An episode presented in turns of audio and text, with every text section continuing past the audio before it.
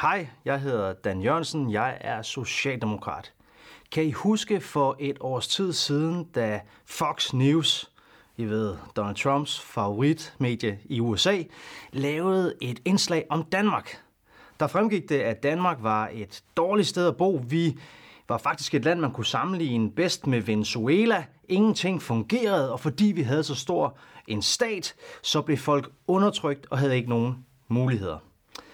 Jeg lavede et lille svar til det her indslag. Trish Reagan hed hun, den vært på Fox News, der havde svinet vores land til. Og det svar, jeg lavede, som jeg regnede med måske vi få, hvis vi satte det højt på 100.000 seere, er nu set af mere end 40 millioner mennesker rundt omkring i verden. Jeg er med på, at min mor nok øh, har set en del af dem, men alligevel 40 millioner mennesker. Hvorfor er det, at det her har givet så meget øh, opmærksomhed? Ja, det er det selvfølgelig, fordi rigtig mange mennesker rundt omkring på den her planet kigger på Danmark med beundring, ser på vores samfundsmodel som en model, de faktisk gerne vil efterligne. Velfærdssamfundet det fællesskab, vi har, som betyder, at vi kan få en gratis uddannelse, at det ikke koster noget at komme på hospitalet, vi har et godt sundhedssystem, at vi tager os af vores ældre, det er altså en samfundsmodel, som ikke er udbredt særlig mange steder i verden, og som også er med til at gøre, at når FN en gang om året måler på, hvem er de mest lykkelige befolkninger i verden, så er Danmark altid i top 3. Forskere siger, at det skyldes, at når man har et velfærdssamfund med et fællesskab som vores, jamen så har vi også et samfund med mere tryghed. Desværre øh, er den tryghed under pres. I 2004, når man spurgte danskerne, om de var trygge, så var det kun lidt over 2%, der sagde nej. Kun lidt over 2%, der følte, at de var utrygge. I dag, der er det tal meget højere. Vi er oppe på omkring 18%.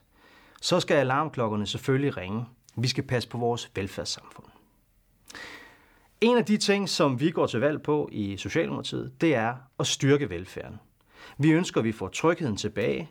Vi ønsker, at vores ældre skal være sikre på, at der er den hjælp, de har behov for, at de kan få en værdig alderdom. Det koster penge. Derfor siger vi, modsat regeringen, at vi vil sætte de penge af, der er nødvendige for, at vi kan udvikle velfærden i Danmark. Vi har brug for flere socioassistenter.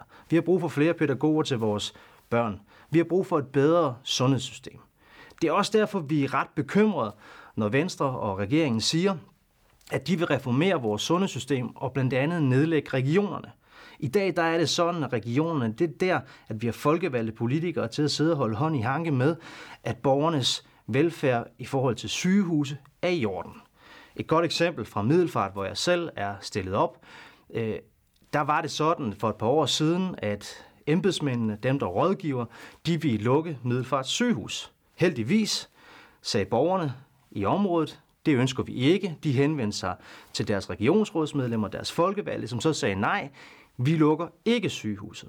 Hvis regeringen gennemfører den reform, de har planlagt, så frygter vi desværre, øh, at det vil føre til sygehuslukninger rundt omkring i landet, fordi så er det jo embedsmændene, folk der sidder med regnearkene, som vil beslutte øh, på egen hånd, om et sygehus skal lukkes eller ej. Det med at have en tryg alderdom, det øh, knytter sig selvfølgelig også til det forslag, vi har fremlagt omkring tidligere tilbagetrækning. Altså muligheden for, at man i Danmark, hvis man er i far for at blive nedslidt, skal gå tidligere på pension. Vi synes, at det skal være sådan, at hvis man har knoklet et helt liv, hvis man har haft et hårdt arbejde, enten fysisk eller psykisk, så skal man have mulighed for at kunne trække sig tilbage lidt tidligere. Vi har fundet finansieringen til det. 3 milliarder kroner, som vi vil hente fra den finansielle sektor. Bankerne, som i mange år har brudt samfundskontrakten og ikke leveret det til fællesskabet, de skulle, skal altså nu betale noget mere i skat, for at andre kan gå tidligere på pension. Det synes vi er en fornuftig idé. Vores forslag er blevet kritiseret for at være for ukonkret, men i virkeligheden er det ret konkret. Vi har 3 milliarder kroner, som vi vil bruge om året. Dem vil vi bruge på at sikre, at hvis man lever op til nogle konkrete kriterier, der handler om, hvor længe man har været på arbejdsmarkedet, hvad for en type jobs man har haft, ja, så kan man få den her ydelse, den her pension, som en rettighed. Og det står jo i græn modsætning til dem i den borgerlige lejr, som siger, nej, øh, de vil gerne have en seniorførtidspension, det kan være fornuftigt nok, men det er jo ikke en rettighed. Det er noget, man skal søge om, hvor man så skal visitere og stå med hatten i hånden. Vi siger nej. Det der med, at øh, man skal igennem øh, fem læger og en sagsbehandler for så måske at få lov til at få sin, sin ydelse. Det er ikke fair. I øvrigt mener vi heller ikke, at man først skal kunne komme på pension, når man er nedslidt. Det er vigtigt for os, at man kan komme på pension, inden man er nedslidt. Nok om velfærd. Det grønne. Øh, I har sikkert lagt mærke til, at øh, partierne lige nu konkurrerer om, hvem der er allermest grøn. For mig, som har beskæftiget mig med miljøpolitik lige siden jeg gik ind i politik, jeg kom ind i politik på grund af Svend Augen, der var miljøminister dengang, der tog mig under vingerne og fik mig til at stille op til Europaparlamentet. For mig er det selvfølgelig utrolig glædeligt. Jeg tror, at mange af jer, der sidder derude, også har efterlyst og synes, at der var for lidt fokus på klima, miljø og natur. Det er der heldigvis kommet. Problemet er så, hvordan ser man forskel? De borgerlige, der pludselig siger, at de er grønne over for os øh, på den anden side af det politiske spektrum. Og der har jeg bare et ord, I skal huske. Man kunne kalde det en bullshit-test. Fordi det, man selvfølgelig skal kigge på, det er, hvad har man rent faktisk gjort? Og det ord, I skal huske, det er lidt svært, men her kommer det. Neonicotinoider. Neonicotinoider. Neonicotinoider, det er en form for pesticider, altså giftstoffer, som landbruget øh, indtil for nylig har brugt på deres marker.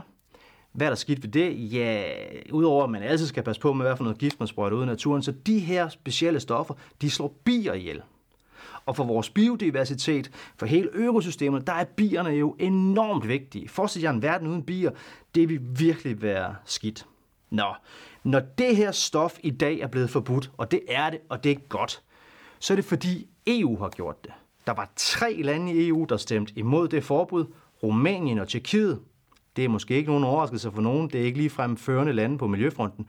Men det tredje land, det var Danmark. Tænk sig en gang, Danmark har siddet, den nuværende regering har siddet i Bruxelles og prøvet på at forhindre et forbud mod et pesticid, som slår bier ihjel. Så lige meget, hvor grønne de siger, de er blevet, lige meget om den borgerlige fløj siger, der er ikke rigtig forskel på partierne her, så bare tænk på neonicotinoider. De vil ikke engang forbyde et pesticid, der slår bier ihjel. Det her er kun et eksempel. Vi har lavet en liste på 39 af dem, desværre, hvor regeringen grundlæggende har slækket på miljøbeskyttelsen, på klimaet.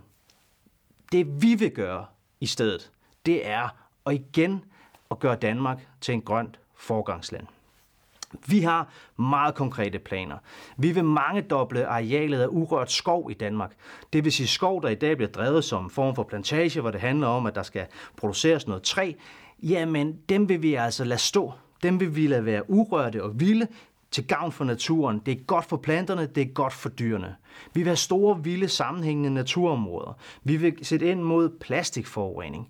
Vi vil selvfølgelig gøre meget mere for, at Danmark skal have mere grøn energi. To nye havvindmølleparker, udover dem, der allerede er besluttet. Så vores plan for et grønt Danmark er ambitiøs, den er realistisk, og den bliver til noget, hvis vi får et rødt flertal efter valget, for heldigvis er der mange partier, der bakker op. Det her, det er vigtigt. Det haster. Temperaturen stiger, klimaet har det hårdt. Ser man på statistikkerne, så går det jo lidt den forkerte vej i Danmark lige nu. Sidste år, der steg CO2-udledningen øh, i Danmark. Det er jo helt forfærdeligt i en tid, hvor vi burde reducere. Sidste tema, jeg vil sige øh, lidt om, det er udlændinge. Nu har jeg talt om to, nemlig velfærd og det grønne, hvor I kommer til at se store forandringer, hvis I vælger Socialdemokratiet. På udlændingepolitikken, der lover vi derimod en stabilitet. Det er nødvendigt, at vi har en forholdsvis stram udlændingepolitik i Danmark. Den skal være anstændig, men vi skal ikke have flere ind i landet, end vi kan integrere. Samlet set, det her fantastiske velfærdssamfund, vi, vi har, det samfund, som Bernie Sanders og andre i USA, de peger på som deres rollemodel, skulle vi ikke passe på det? Skulle vi ikke sikre, at vi udvider velfærden? Skulle vi ikke sikre, at vi konsoliderer vores samfundsmodel? At vi passer på hinanden i stedet for det modsatte? Det var det, jeg havde tænkt mig at sige. Oh, og så lige en ting mere. Neonicotinoider.